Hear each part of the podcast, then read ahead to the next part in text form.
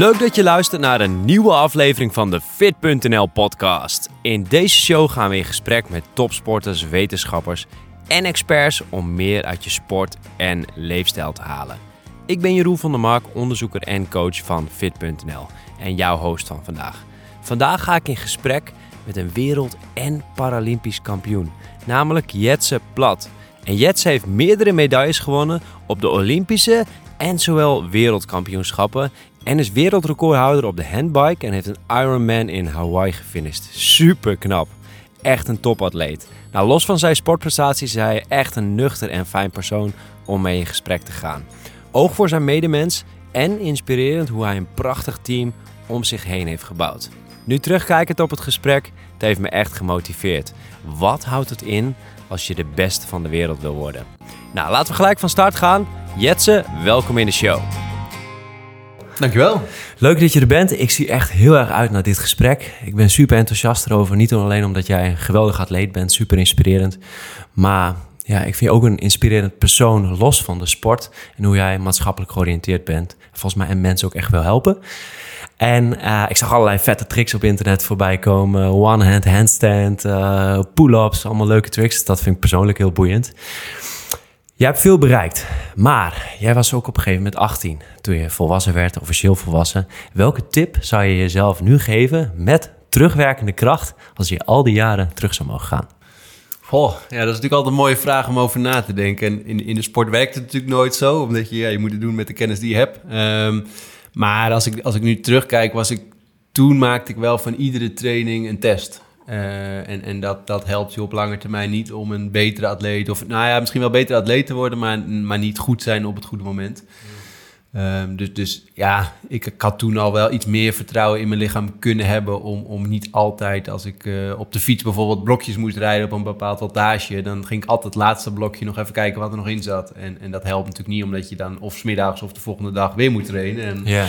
op een gegeven moment helpt dat niet. Dus ik, dus ik denk dat dat misschien wel de belangrijkste tip. Aan de andere kant heeft dat me ook wel echt gevormd, een stukje hardheid gebracht toen. Uh, een stukje hardheid van echt weten wat hard trainen is. En ik denk dat dat ook wel heel belangrijk is om te weten wat echt hard trainen is. Ja, en het ook echt lekker vinden om zo hard te trainen. Maar ik kwam een vader net een half uur geleden tegen en die zei over zijn zoon... ja, die wil alleen maar één remtestjes doen. Die wil alleen maar maximaal testen. Die wil kijken of die sterker is geworden.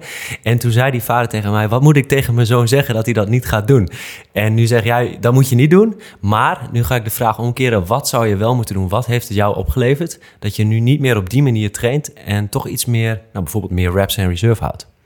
Nou, kijk, uiteindelijk gaat het natuurlijk wel echt om dat je een aantal mensen om je heen hebt die je echt vertrouwt. Uh, en zelfs daarvan toen op die leeftijd uh, deed ik nog wel ja, altijd een schepje erbovenop. Maar ik had altijd wel mensen die me in de gaten hielden. Dus het is niet per se op een gegeven moment werd er wel echt op de rem getrapt als ik te gek deed. Um, dus dat, dat adviseer ik ook wel echt aan jonge talenten. Dat valt niet altijd mee om dat helemaal zelf voor elkaar te krijgen. Maar als jij maar gepassioneerd genoeg bent en, en, een, en een doel hebt, dan zijn er altijd mensen, goede mensen, die jou daarin willen ondersteunen. En uh, ja, waar je een band mee opbouwt. Dus dan, dan zijn er altijd mensen die op die noodrem kunnen trappen voor jou als jong talent. Ja, ja ik denk ook wel als je wat overhoudt, dat je op lange termijn veel meer opbouwt over belasting. Uh, dit, we hebben nu even een beetje over percentages en maximaal gaan. In een van jouw quotes zag ik voorbij komen, uh, je redt het niet met 95%. Je moet er vol voor gaan. Is dat iets wat onder topsporters leeft? Of is dat in zijn algemeenheid, als je ergens wil gaan, moet je voor die volle 100% gaan? Um, nou ja, in de topsport wordt dat natuurlijk heel erg goed uitgemeten. Ik denk als je in de topsport een paar procent tekort komt, dan uh, zie je dat heel snel terug in resultaat. Um, je moet ook wel je momenten kiezen, want je kunt niet... Uh, kijk, vaak werk ik natuurlijk in cyclussen van vier jaar richting de volgende Paralympische Spelen. Uh, kijk, je kunt niet vier jaar 100% zijn. En en 100% kan ook betekenen dat je 100% investeert in veel uren maken en, en inhoud creëren. En dat, dat op dat moment word je niet meteen sneller en beter, uh, maar op lange termijn word je, word je daar beter van. Dus ja, en, en, en ik denk de kunst van, uh, van een goede topsporter is ook wel echt die balans. Dus, dus zeg maar een aantal weken, aantal maanden echt met 100% zonder bewijs van eh, te twijfelen bepaalde keuzes maken. En dan ook weer even echt afschakelen en gewoon andere dingen doen. En vrienden laten weten dat je er ook nog... Ja, ja, ja. Maar hoe, want hoe ziet voor jou een dag eruit? Hoe ziet een dag van een topsporter eruit? Is dat van 9 tot 9? Wanneer ga je op bed? Hoeveel tijd neem je om te rusten? Kun je ons wat meenemen? Hoe dat ziet dat eruit? Um, nou ja, het mooie wel vind ik van, van het, het werk topsporter, wat het uh, ondertussen absoluut is, is, is dat er niet echt een tijd aan te hangen. Je bent het gewoon 24 uur per dag. En, en dat betekent natuurlijk niet uh, uh, dat je 40 uur per week fysiek hoeft te trainen. Zeker niet, dat ga je niet volhouden. Um, maar uiteindelijk, iedere keuze, zeker in aanloop naar belangrijke evenementen, vraag ik me in ieder geval altijd af bij iedere keuze die je maakt, helpt dat om beter te worden. En, en dus dat, dat betekent ook dat je op tijd in bed moet liggen, dat je moet zorgen dat je voeding op orde is, ook direct na een training, dat je de trainingen moet afwerken zoals het bedoeld is. Ja, uh, wat is op tijd op bed liggen? Oh ja, ik, ik, kan geen, ik heb er geen moeite mee eh, in bepaalde fases om om uh, half negen of negen uur in bed te stappen. En uh, ja, dat vindt mijn vriendin natuurlijk vaak wat, wat lastiger. En ik moet zeggen, in deze fase doe ik dat ook niet, omdat ik ja, ook het jaar na Tokio toch iets andere keuzes. Maar goed, ja, als je moe bent, ben moe. En dat praktische stukje is soms wel handig voor een sporter. Dat je, ja, ik ga niet opblijven omdat de klok zegt dat het half negen is. Ja, als ik moe ben en ik moet de volgende dag weer goed trainen, dan moet je slapen. Ja, ja, ja ah, dit is misschien wel. Ik denk dat de luisteraar ook denkt van. Wat ik vaak zie als ze aan topsporters denken, is dat ze alles in perfectie doen. En dat daarom ook de, het gat te groot is tussen de reguliere sporten. Denken, oh, ik kan niet zoveel bereiken. Um, is het echt zo dat je in perfectie leeft? Of zijn er ook gewoon veel valkuilen waar jij nog tegenaan loopt in je persoonlijk leven? Denk aan misschien te, te veel s'avonds telefoon gebruiken. Zijn er dingen waar jij mee worstelt, zodat we dat gat tussen de topsporter en de reguliere sporter wat kunnen verkleinen? Ja, perfectionisme bestaat bijna niet natuurlijk. Ik denk wel, kijk, het maakt als, als, als, als topsporter ben je heel erg gebrand op een bepaald doel. En je weet ook in je, in je, je weet wel wat daarvoor nodig is en daardoor kun je makkelijker keuzes maken. En ik, ik, de valkuil vaak in het dagelijks leven is denk ik dat er te veel excuses zijn om bepaalde dingen niet te doen. En, en als topsporter ja, heb je altijd zeg maar, juist een excuus om de workout goed te moeten doen of te moeten rusten of niet naar een verjaardag te hoeven, omdat je, ja, je wil medailles halen of je wil presteren.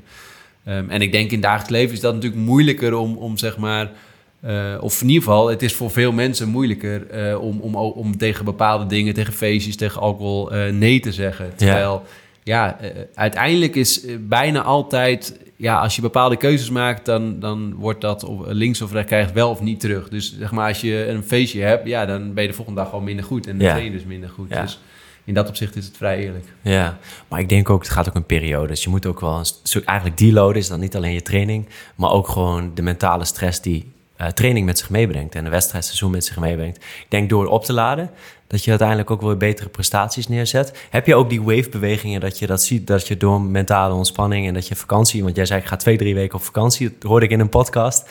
En zie je dat je daarna je prestatievermogen ook weer beter is? Um, nou, ik leer dat meer. Ik, ik denk de, de jonge ik, zeg maar, was eigenlijk altijd gas aan het geven. Of, of, Geen vakantie? nou, weinig vakantie. En als ik dan vakantie had, had ik nog een soort van onrust, zeg maar. Uh, dat, dat, was maar een weekje en dan dacht ik wel weer, moet aan de gang. En, en nu denk ik toch door een stukje ervaring dat ik... Ja, ik moet zeggen, dit jaar is überhaupt wel iets anders... omdat het jaar naar Tokio en ik ook echt wel de behoefte heb... om, om iets meer alleen eh, te leven naast de sport ook.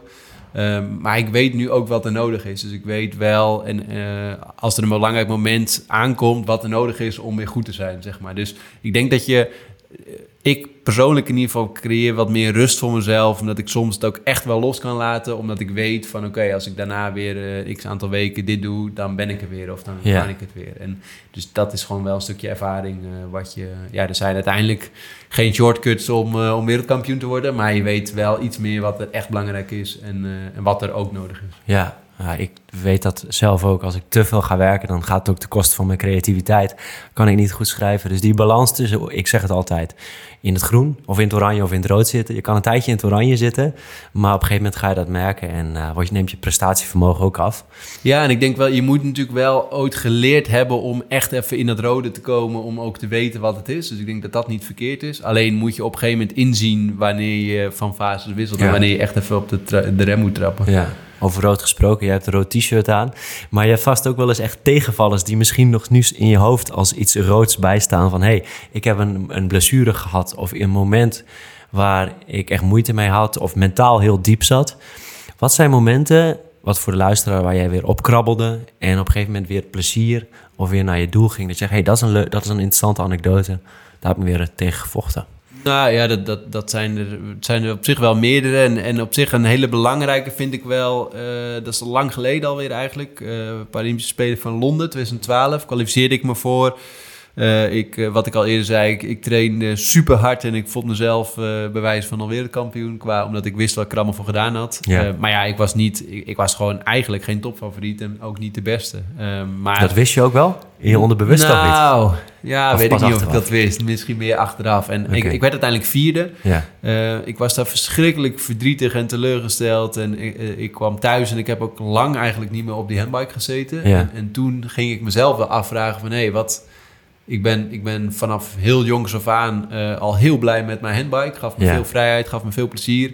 En dan een vierde plek op je eerste grootste toernooi van de wereld uh, vierde worden, wat niet per se slecht is. is zorgt, ja, zorgt toch voor heel veel negatieve energie. En ja. ja, toen ging ik natuurlijk wel, gelukkig ook wel echt met hulp van mensen om me heen inzien van... hey, ja, het wordt niet altijd beloond met een medaille van een kleur of überhaupt met een medaille.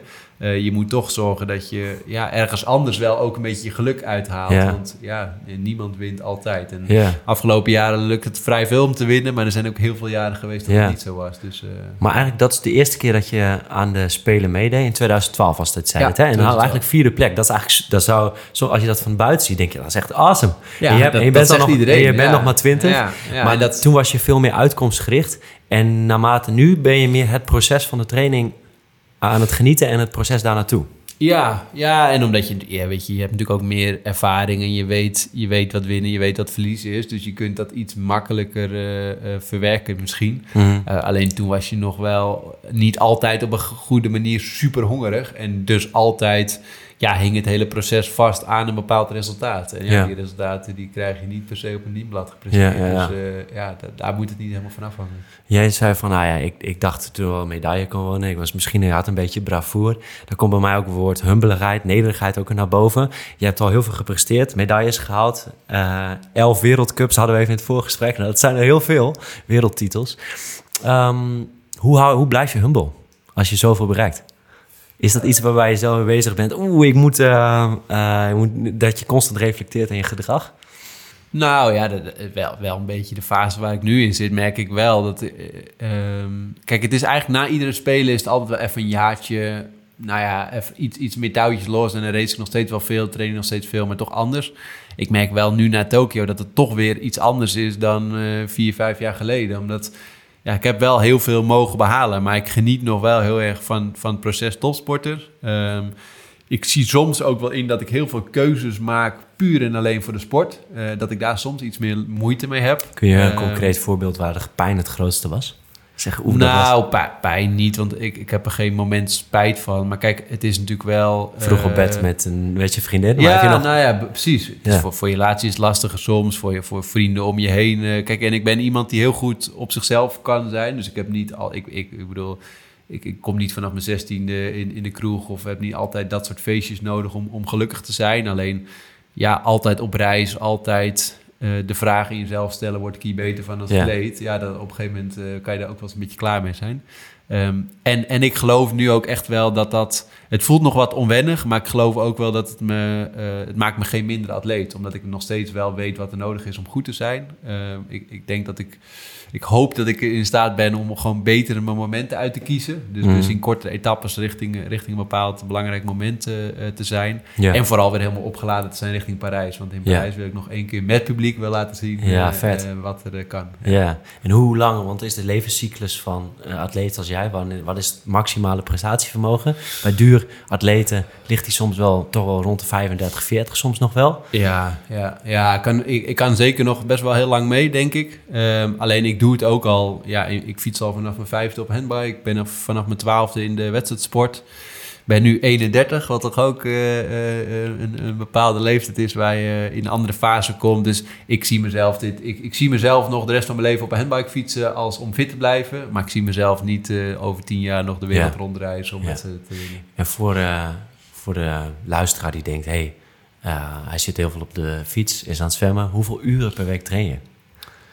Ja, dat, dat wisselt wel heel erg. Kijk, normaal gesproken, uh, als ik dan ook weer even naar vorig jaar kijk, ja, dan zit dat een beetje tussen de 20, 25 uur per week aan fysieke training. En dat is dan op trainingstages is dat uh, rond de 30 en op rustigere weken is dat uh, rond de 15. Ja, ja, ja. Aan fysieke training en, en heel veel meer gaat ook niet, omdat uiteindelijk alle, alle soorten van trainingen die ik doe, doe ik op, op mijn schouders. Dus ja. op een gegeven moment zijn die wel ja, klaar. kanonnen van armen en schouders hier tegenover mij. Ja, maar daar zit ergens een limiet op. Ja, ja, ja, ja, En ik sprak Johan, jouw uh, krachtcoach, en ik had het met hem over hoe jouw trainingsschema, jouw trainingvolume.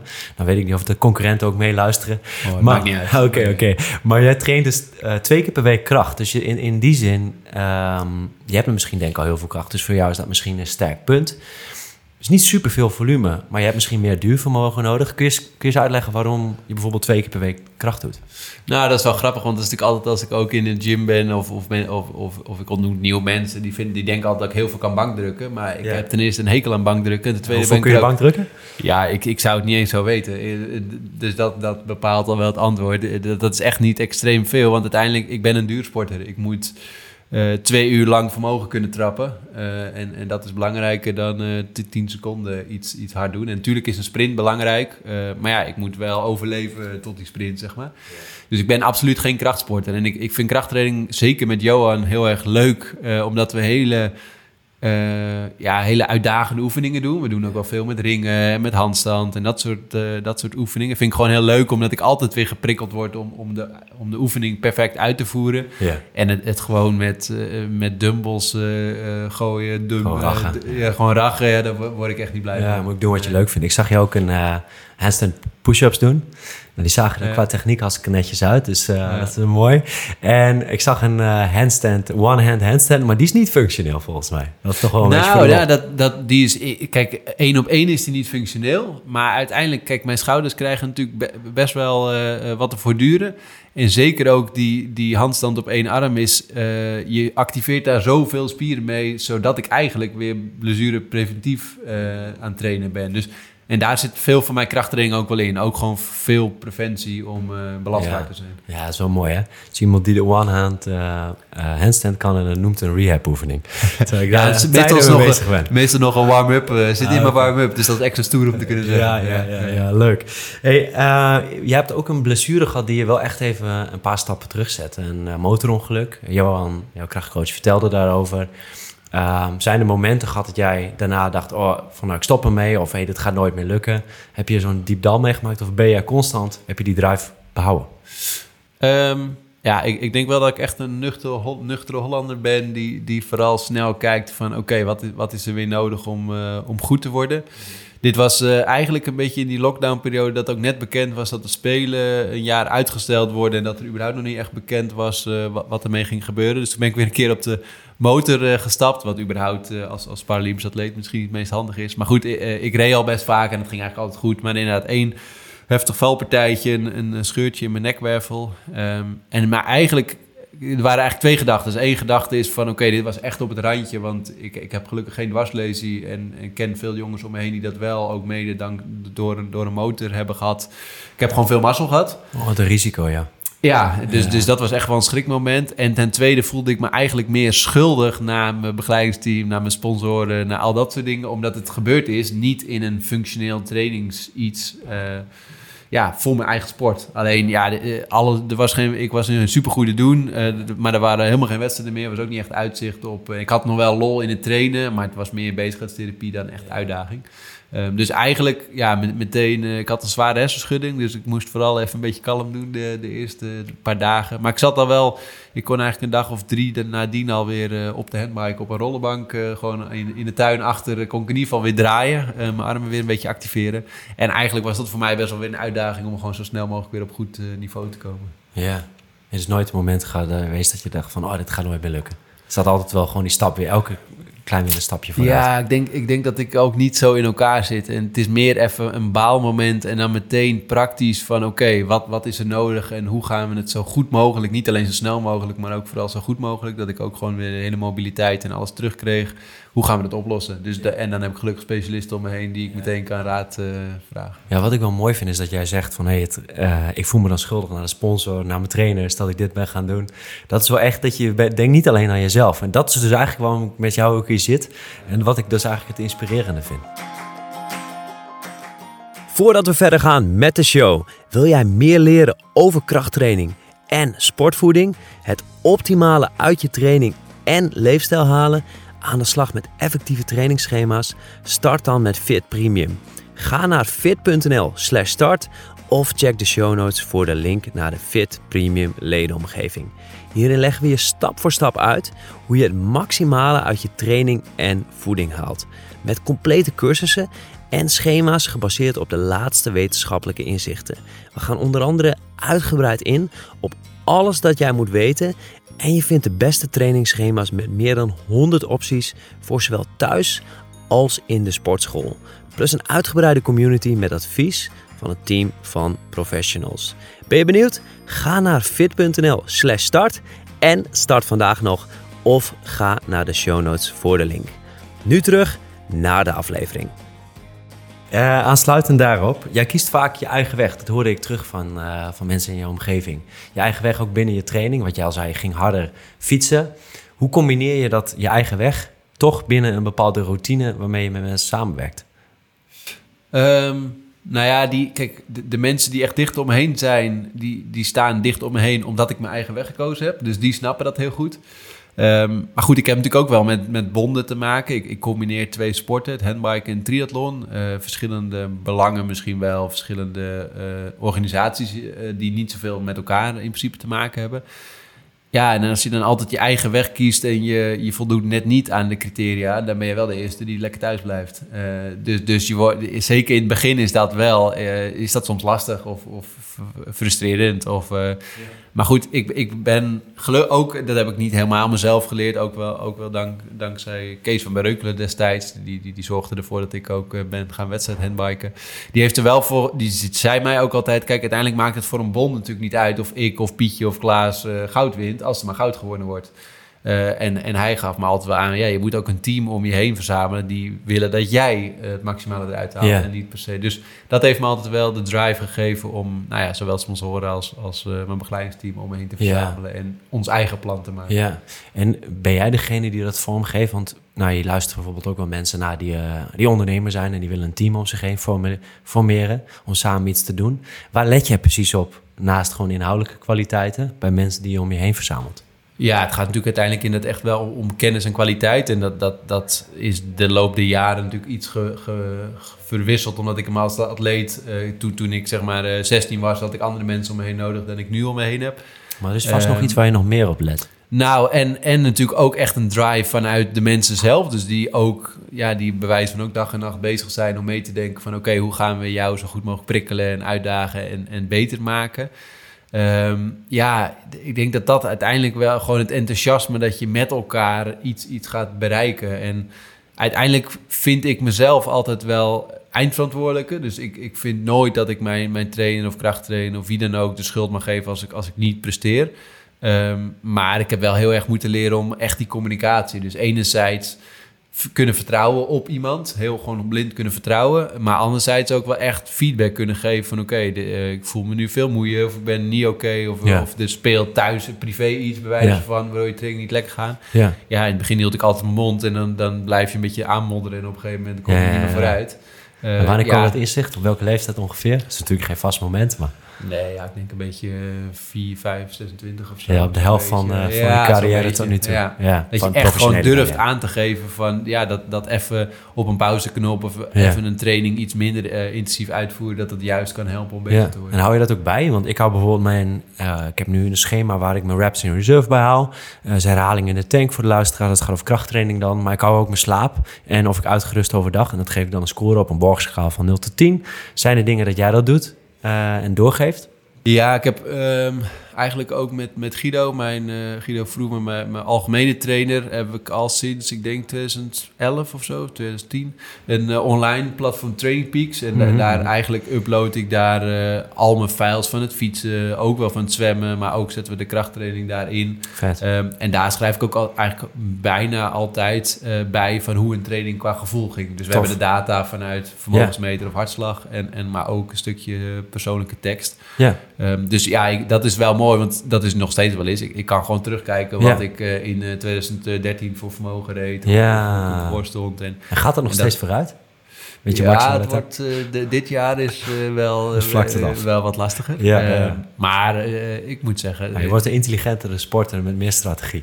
Ik En denk, ervaring. ik denk wel dat de piekmomenten van een bepaald seizoen op de goede momenten liggen. Dus Ja. misschien is het dat meer. Dat ik niet meer de, altijd de kampioen van trainen ben, maar wel... En, en als je, want je houdt bijvoorbeeld dan ook je stressscores bij en de, en, de, en de intensiteit. En als je dus al tien jaar aan het bewijs van deze data verzamelt, hè, wat zijn dan eh, inzichten wat jij hebt verworven over jezelf? Welke intensiteit of welke trainingsvolume beter werkt dan wat je voorheen deed?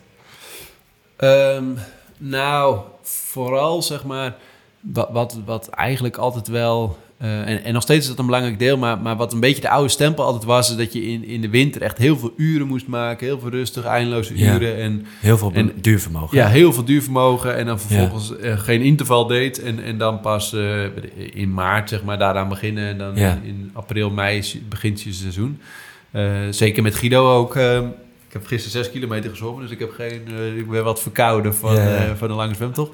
Maar ehm, eh, dat, dat eigenlijk vooral zeg maar die, ehm, eh, die intensiteit er ook gewoon in de winter wel in kan zitten. Ja. En, en dat is één voor mentale eh, prikkel. Dat je niet eh, vijf, zes uur lang op de fiets in de kou gaat zitten zonder enig sprintje of iets. Dat, je ook, dat het ook gewoon oké is om af en toe even gas te geven. Of af en toe juist wel even een echt intensieve, een intensieve prikkel om ja, wel te activeren. En ik denk dat dat zeker de laatste jaren wel ja, niet meer helemaal alleen maar lange duur en kracht in de winter. Ja. Maar dat er ook in de winter echt al wel kwaliteit zit. Ja, maar dat komt ook omdat je zoveel belastbaarheid hebt opgebouwd. Dat je waarschijnlijk die piekmomenten vroeger in het seizoen al aan kan. Waar het misschien voor jongere atleten was hij toch eerder meer duurvermogen moeten opbouwen. Nou, zeker. Eh, en eh, kijk, als ik het dan naar het handbiken kijk, eh, beginnende handbikers. En, en ik zeg altijd, een, een, een mensenlichaam is niet gemaakt om te fietsen met je armen. Dus, Ja. dus er- er moet echt wel wat gebeuren om je schouders voldoende belastbaar te maken om, om de uren te kunnen draaien. Ja, daar is het uiteindelijk wel heel belangrijk om gewoon veel uren te maken. En, en dat heeft met bijna iedere sport waar je vooral je schouders veel belast. Ja, je, je, je lichaam moet dat wel eerst aankunnen voordat je... En daar helpt natuurlijk veel rustigere, dure trainingen wel Ja. echt mee.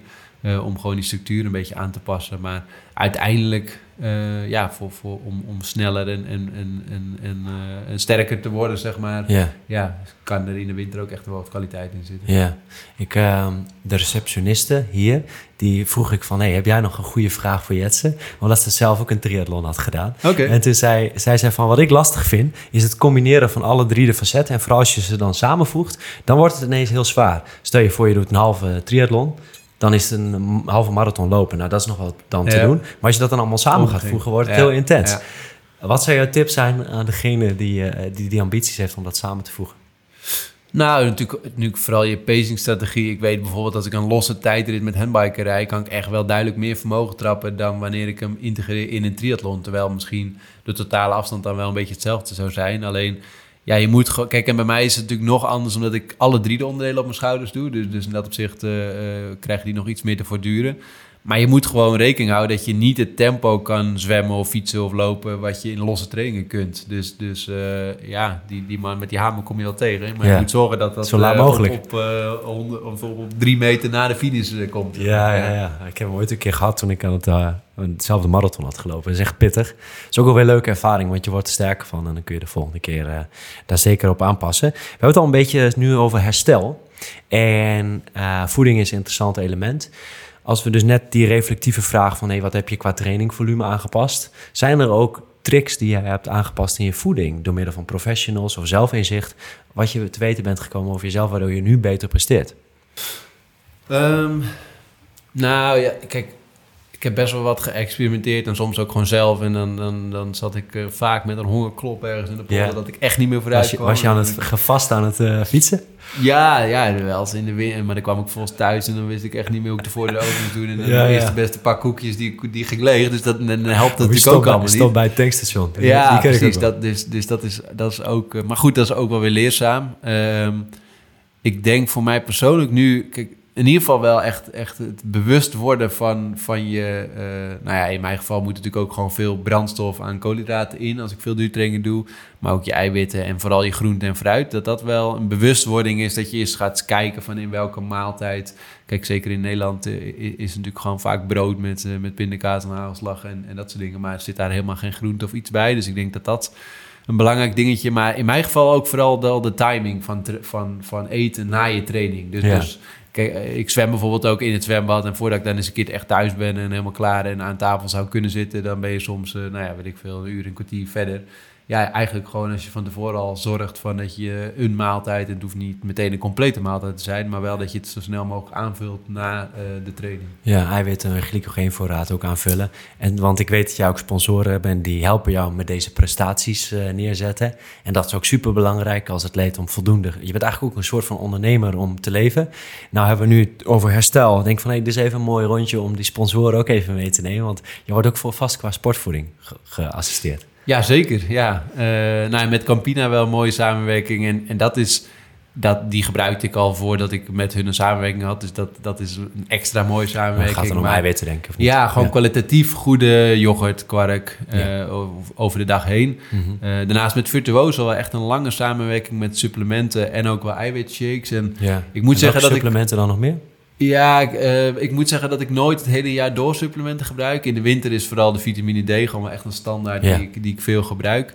Eh, ja, rondom, rondom wedstrijden zit je dan weer meer met de, de, de, de ophefmiddelen als eh, cafeïne en Mm. eh, betaline en dat soort, dat soort dingen. Ja. Merk je dat Ehm, echt, beta-alanine, voor een prestatie, dat je toch net even wat er meer uit kan halen? Dat, dat vind ik dus zo moeilijk aan sup- voedingssupplementen. Het, het is ook wel je eigen... Het is moeilijk meetbaar. Mm. Ehm, maar ik, ik heb gewoon wel goede wedstrijden gereden als ik het wel gebruik. Dus ja, Ja. Dan, dan denk ik altijd, dan, dan werkt het ook gewoon. Dus wetenschappelijk is het lastiger. Tuurlijk zijn er echt wel veel wetenschappelijke onderzoeken... maar eh, Ja. hangt het ook weer af van je wedstrijd. Eh, maar ja, dat, dat is een belangrijke. En, en het, ook het eten op de fiets. En dat is met Mouten eh, een, een hele mooie... Om, om gewoon voldoende binnen te krijgen per uur. En, en dus ook vooral te voorkomen dat je... Ook vooral met lange trainingen... dat je als je thuis komt eh, verschrikkelijke honger hebt. Zeg maar. Je moet ook wel zorgen dat je gewoon continu aan blijft vullen. En eh, tijdens zowel wedstrijden... maar ook, ook met trainingen eh, dat kunt doen. Dus Dit, dit is wel interessant, want er was een periode dat ehm, binnen de sportvoedingswetenschap... dat er meer een rage was om meer naar eh, vet als energiebron... en dat dat als duurzame energiebron. Dus heb ik zelf ook wel getest. Ging wat meer gevast fietsen om dan te kijken van... hey, kan ik wat meer overschakelen naar vet als energiebron... en in hoeverre is dat effectief? Nou, we komen inmiddels binnen de wetenschap weer aardig terug daarop. Nou, dat heb jij waarschijnlijk ook gemerkt toen je thuis kwam met cookies. Dus het is wel leuk om dat zelf te testen. En er zit Nou, ook dat- dat ontwikkeling in. Ja, en dat vind ik ook zo moeilijk aan voeding. Weet je? Dat, is natuurlijk vaak een van de eerste vragen van mensen. Van ja, wat doe je dan precies met voeding? En, en natuurlijk heb ik daar, ik heb daar veel mee bijgehouden en zien van wat doe je nu eigenlijk. Maar weet je, als je, als je tien verschillende experts op een rijtje zet, dan zeggen ze alle tien wat anders. Dus ik vind dat vooral juist gewoon zelf interessant om te gaan testen wat bij Ja. jouw gevoel het beste werkt. Mooi. En, natuurlijk ook wel eh, de onderzoeken erbij pakken en een specialistenraad Ja, eh, je moet raadplegen. geen domme maar- dingen doen. Nee, je moet Precies. niet, ja, niet blind maar met de wind meegaan van dit jaar is dit een. Dat jaar Of op dat een wedstrijdmoment iets gaan doen. Nee, nee, dat is eh, altijd in belangrijke trainingen iets goed testen en dan Precies. pas in die wedstrijd. Ja. We hadden het al even over de man met de hamer. Als jij op een moment komt waar je echt eh, maximale zit, ehm, helemaal mentaal overbelast bent, wat zijn tricks die jij voor jezelf gebruikt om toch eh, net weer die kilometer verder te komen? Laten we zeggen van, nou, je moet eh, drie uur op de fiets zitten en je zit, hebt al 2,5 uur erop zitten en je zit vol op je vermogen te trappen. Hoe zorg je ervoor dat je mentaal elke keer weer die sta nee, volgende stap zet, die volgende bocht haalt?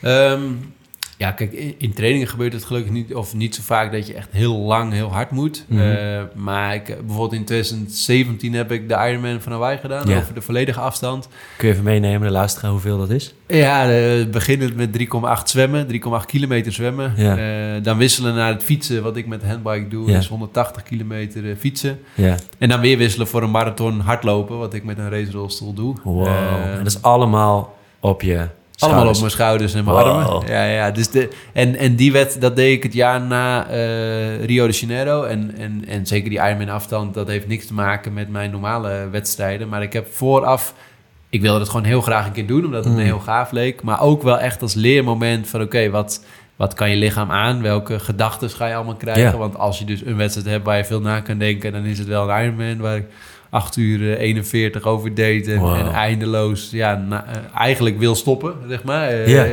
denk van nou... eh, Wanneer was het eerste moment dat je wou stoppen, weet je dat nog? Nou, zeker op de fiets was het wel, ik denk na 140 kilometer of zo was het Ja. echt vervelend. En waarom ben je toen niet gestopt? Ehm, nou, om- omdat dat niet in mijn karakter zit. Omdat ik er goed voor voorbereid had. En, en omdat, ik, omdat het ook gewoon eh, ja, super gaaf was wel om te doen. Alleen Ja. het was ook heel warm die dag. Dus, dus echt wel tegen oververhitting aan elke keer. Wow. En, en je voeding op orde. Ja, het, het is gewoon, eh, ja, wat ik zeg, veel tijd om na te denken. En, ja. Ja, waarom ga je dan door? Eigenlijk omdat je niet wil stoppen. Dat is misschien een beetje een gek Oké. antwoord. Maar ja, je wil niet, niet... Dat is het makkelijkste. Dat kan Ja. iedereen. Aan de kant zetten kan iedereen. Maar heb je dan bijvoorbeeld die kopingsmechanisme op een gegeven moment ging je dat gebruiken van oh ja, ik ga nu weer tot die eind van die streep, ik ga nu weer tot die eind van de streep. En bijvoorbeeld sociale druk, wat ik gebruik als ik bijvoorbeeld iets een gedrag wil veranderen of een bepaald doel wil behalen, dan ga ik dat tegen mensen zeggen. Ja. Van van, nou, ik wil meer gitaar spelen en dan heb ik een soort van accountability partner in de omgeving. Jij doet dat van ik zet een piketpaal neer aan het einde. ja. Maar hoe zet je die piketpaaltjes in de tussentijd neer? Nou, ik, met, met kortere tijdrit inderdaad gebruik ik echt wel richting een bocht of richting een lantaarnpaal in het verleden nog wel. Dat je echt, eh, maar goed, op een gegeven moment als het te hard gaat, dan is een lantaarnpaal ook een heel voorbij. kort doel, zeg maar. Ja, Dus ja. schiet dat niet echt op. Ehm, ja, en mij persoonlijk helpt gewoon meetapparatuur ook heel veel. Dus op de fiets, ehm, op de fiets heb ik een vermogensmeter. Ja, Ja, de- de- ik heb met Guido altijd wel een challenge, want die zegt dan bepaalde blokken of een 20 minuten test of iets. Ja. Ja, probeer maar dat vermogen te halen. Nou, Ja. toch vrij vaak zit ik dan bewijs van op, op hetzelfde of op één wat erboven of eronder.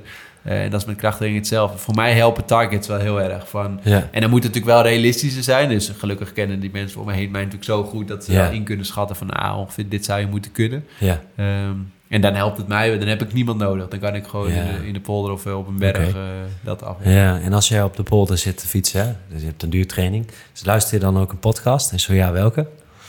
Ehm, op, op de fiets luister ik eigenlijk niet te veel podcast, omdat ik dan wil ik ook echt bezig zijn met fietsen. En of het dan Ja. een rustige duurtraining of niet. In de auto luister ik het wel veel. Mhm. Ehm, ik vind die van Arie Boomsma wel, wel mooi. Routines. Mhm, Eh, Mark Tuitert, Drive.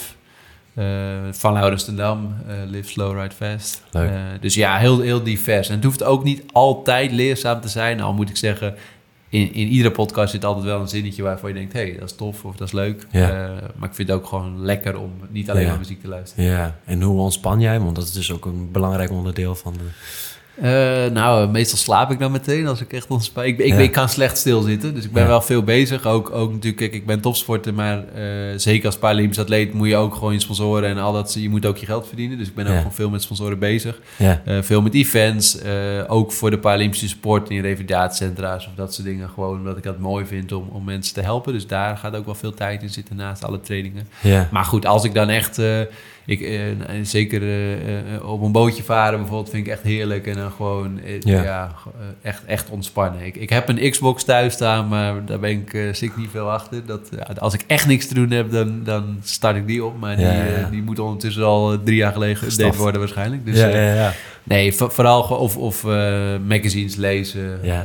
dat soort dingen. En als je nu vooruit moet kijken, hè, jij hebt ook gewerkt in handbikes en die gerepareerd slash gemaakt. Als je nu moet vooruitkijken, wat, wat als je nu, ja, over, laten we even heel breed pakken, over 15 jaar hè? Als je eh, topsporter af bent, wat zie je dan jezelf doen?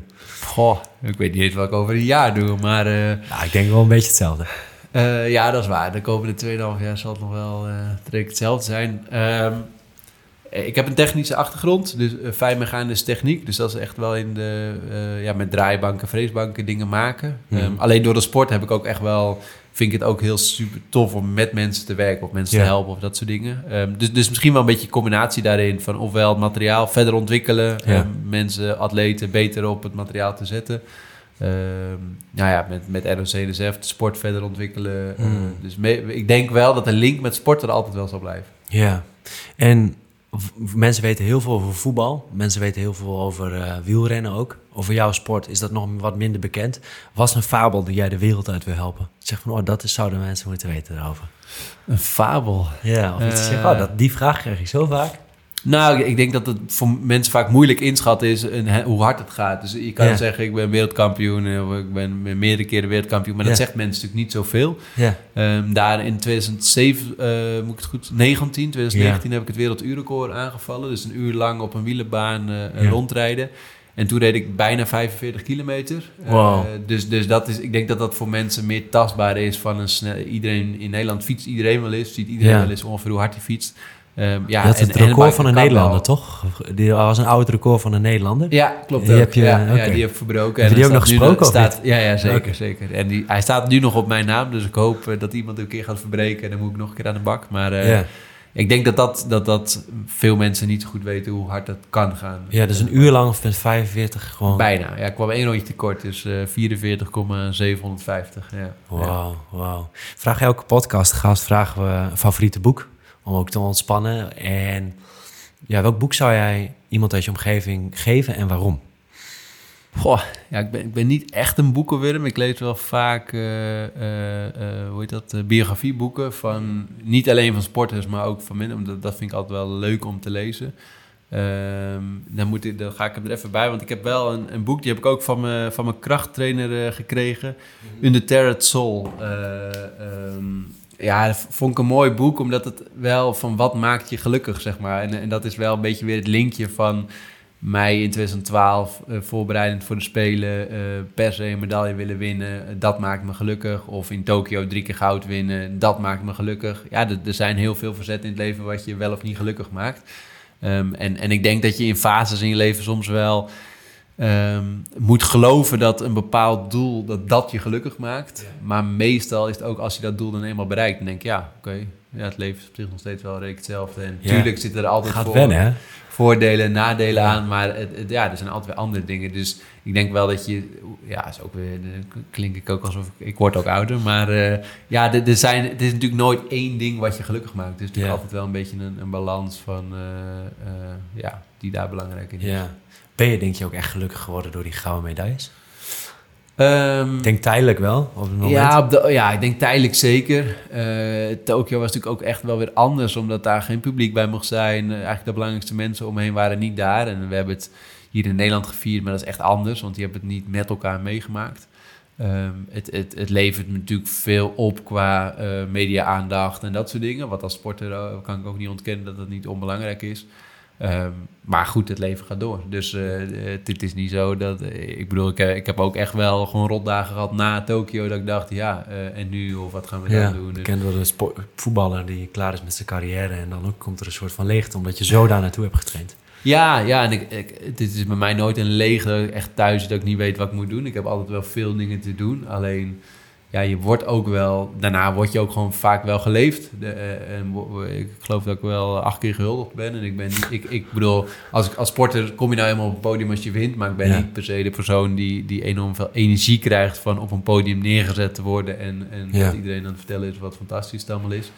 Um, dus dus zijn, het zijn gewoon soms gewoon grote overgangen. En uh, dan moet je soms wel weer even terug van... oké, waarom ben ik sporter geworden en, en, wat vind ik mooi? Ja, ik vind het super mooi om met mijn handbike door de polder uh, lekker door te kunnen rijden. Zeg ja. dat, dat vind ik echt mooi. En, um, dus ja, die balans die verandert gewoon. Uh, ja. Ik kan mezelf nu niet meer um, wijsmaken dat er niets belangrijker is dan die gouden medaille. En ja. dat, dat, is ook prima, denk ik. Um, ja. Maar dat kon ik in aanloop naar Tokio zeker wel. Dan was er niks belangrijker dan, ja. uh, dan die gouden medailles.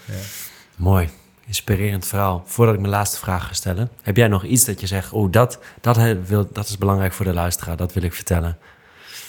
Um, nou ja, ik, ik, vind het gewoon, ik vind het mooi om, om, om uh, zeker met handbiken gewoon te laten zien. Handbike is ook een, uh, dat, dat, is misschien wel een goede. Handbike is ook gewoon een heel mooi fitnessmiddel. Uh, mijn broer is uh, ouder dan ik ook en, en is gewoon valide verder. maar die heeft mijn oude handbike omgebouwd en die, die trainde daar toen ook een lange tijd op. en nog steeds wel is. Um, en dat is natuurlijk op zich wel het mooie van, van handbiken. Ja. ja, dat, dat, ik, ik ben nu wereldkampioen handbiken en, en daarmee, ja, er is, geen, er is niet een valide persoon die nu even in een handbike stapt en harder dan ik rij. En dat vind ik wel mooi van, van mijn sport. Uh, het is wel echt een sport aan zich. En, natuurlijk, uh, uh, wel of geen handicap maakt, maakt altijd verschil. Maar in een handbike moet toch vanuit je schouders komen. Dus dat, dat, dat vind ik gaaf. En ik vind het ook mooi dat bijvoorbeeld mijn broer, maar veel meer ook gewoon valide mensen af en toe is in een handbike stappen en lekker Vet. trainen. Ja. Het eigenlijk ook wel eens een keer willen proberen. Ja, ja, is dat een, een, manier om het te doen is, in sommige sportscholen heb je zo'n soort van handbike apparaat. Ja, Komt dat een beetje in de buurt of niet? Nou, nee. Uiteindelijk is handbike ook gewoon lekker buiten en, en met versnellingen. En maar, heeft misschien ook een andere cyclus. Uh, nou, nee, op zich komt het wel. Uh, van Matrix heeft zo'n crank cycle. En, en, die komt best wel overeen. Uh, dus, dus op zich, als je het nog nooit gedaan hebt, is het in ieder geval tof om zeg maar, je schouders eens aan te laten voelen. Als je een kwartiertje achter elkaar fietst, dan, dan, voel je dat wel, denk ik. Dus dat is in ieder geval mooi. Maar uiteindelijk is het fietsen, zeg maar, natuurlijk buiten zijn is het mooiste. Ja, fijn in de natuur. Ja. We sluiten altijd af de podcast met één vraag en een generale tip. Het kan bijvoorbeeld zijn: lach meer, ga eens een gesprek aan met de ander. Klinkt een beetje, een beetje preaching, als de pauze zeg maar. Maar misschien heb jij een algemene tip die jij de luisteraar mee wil geven... waar jij zelf heel veel uit hebt gehaald... of die je voor iemand anders hebt. Goh, ja, iedereen probeert elkaar tegenwoordig tips te geven in het leven, maar... um, Misschien is dat de beste tip, geen tips geven. Nou, je bent al. Kijk, iedereen kan... Ik ben alleen wel van mening, iedereen kan iets van elkaar leren. Dus het is mhm. niet... Ik, ik kan ook heel veel van de luisteraars leren waarschijnlijk, maar uh, ik, ik denk uiteindelijk moet je ook vooral doen wat je zelf wil. En ik denk wel in deze maatschappij zijn we wel heel erg allemaal elkaar aan het vertellen wat we moeten doen. En, en wie we allemaal moeten coachen en, dat soort dingen. Um, maar uiteindelijk ben ik aan het handbiken omdat ik het zelf super vet vind. En natuurlijk uh, vind, vind ik het mooi als ik medailles kan laten zien aan mensen en, en dat soort dingen. Dat is een bijkomend voordeel. Ja. Maar ik, vind, ik, ik, doe, ik doe wat ik doe omdat ik het heel gaaf vind. En ook als er geen camera is of ook als er niemand kijkt. Als ik in een polder... Uh, mezelf uit elkaar aan het trekken ben op de fiets, vind ik het heel mooi. En, en dat gun je iedereen wel, dat je een soort passie vindt in je werk of in je sport. Dat, je, ja, dat je iets doet uh, en dan dat het niet nodig is dat iemand naar je kijkt om het tof te vinden. Zeg maar. Tof. Dat is, uh, dat is ja, wel. straalt eraf. Ik denk dat het mooi is om daarmee af te sluiten. Dankjewel. Dankjewel. Doe wat je leuk vindt en uh, super bedankt voor dit verhaal. Dit was de aflevering met Jetsenplat. Wil je meer informatie? Bekijk dan even de show notes voor alle besproken linkjes. En voordat je de show uitzet, wil jij de show steunen? Dan kan dat. Deel de show via social media. Zo kunnen wij nog meer mensen bereiken met onze tips.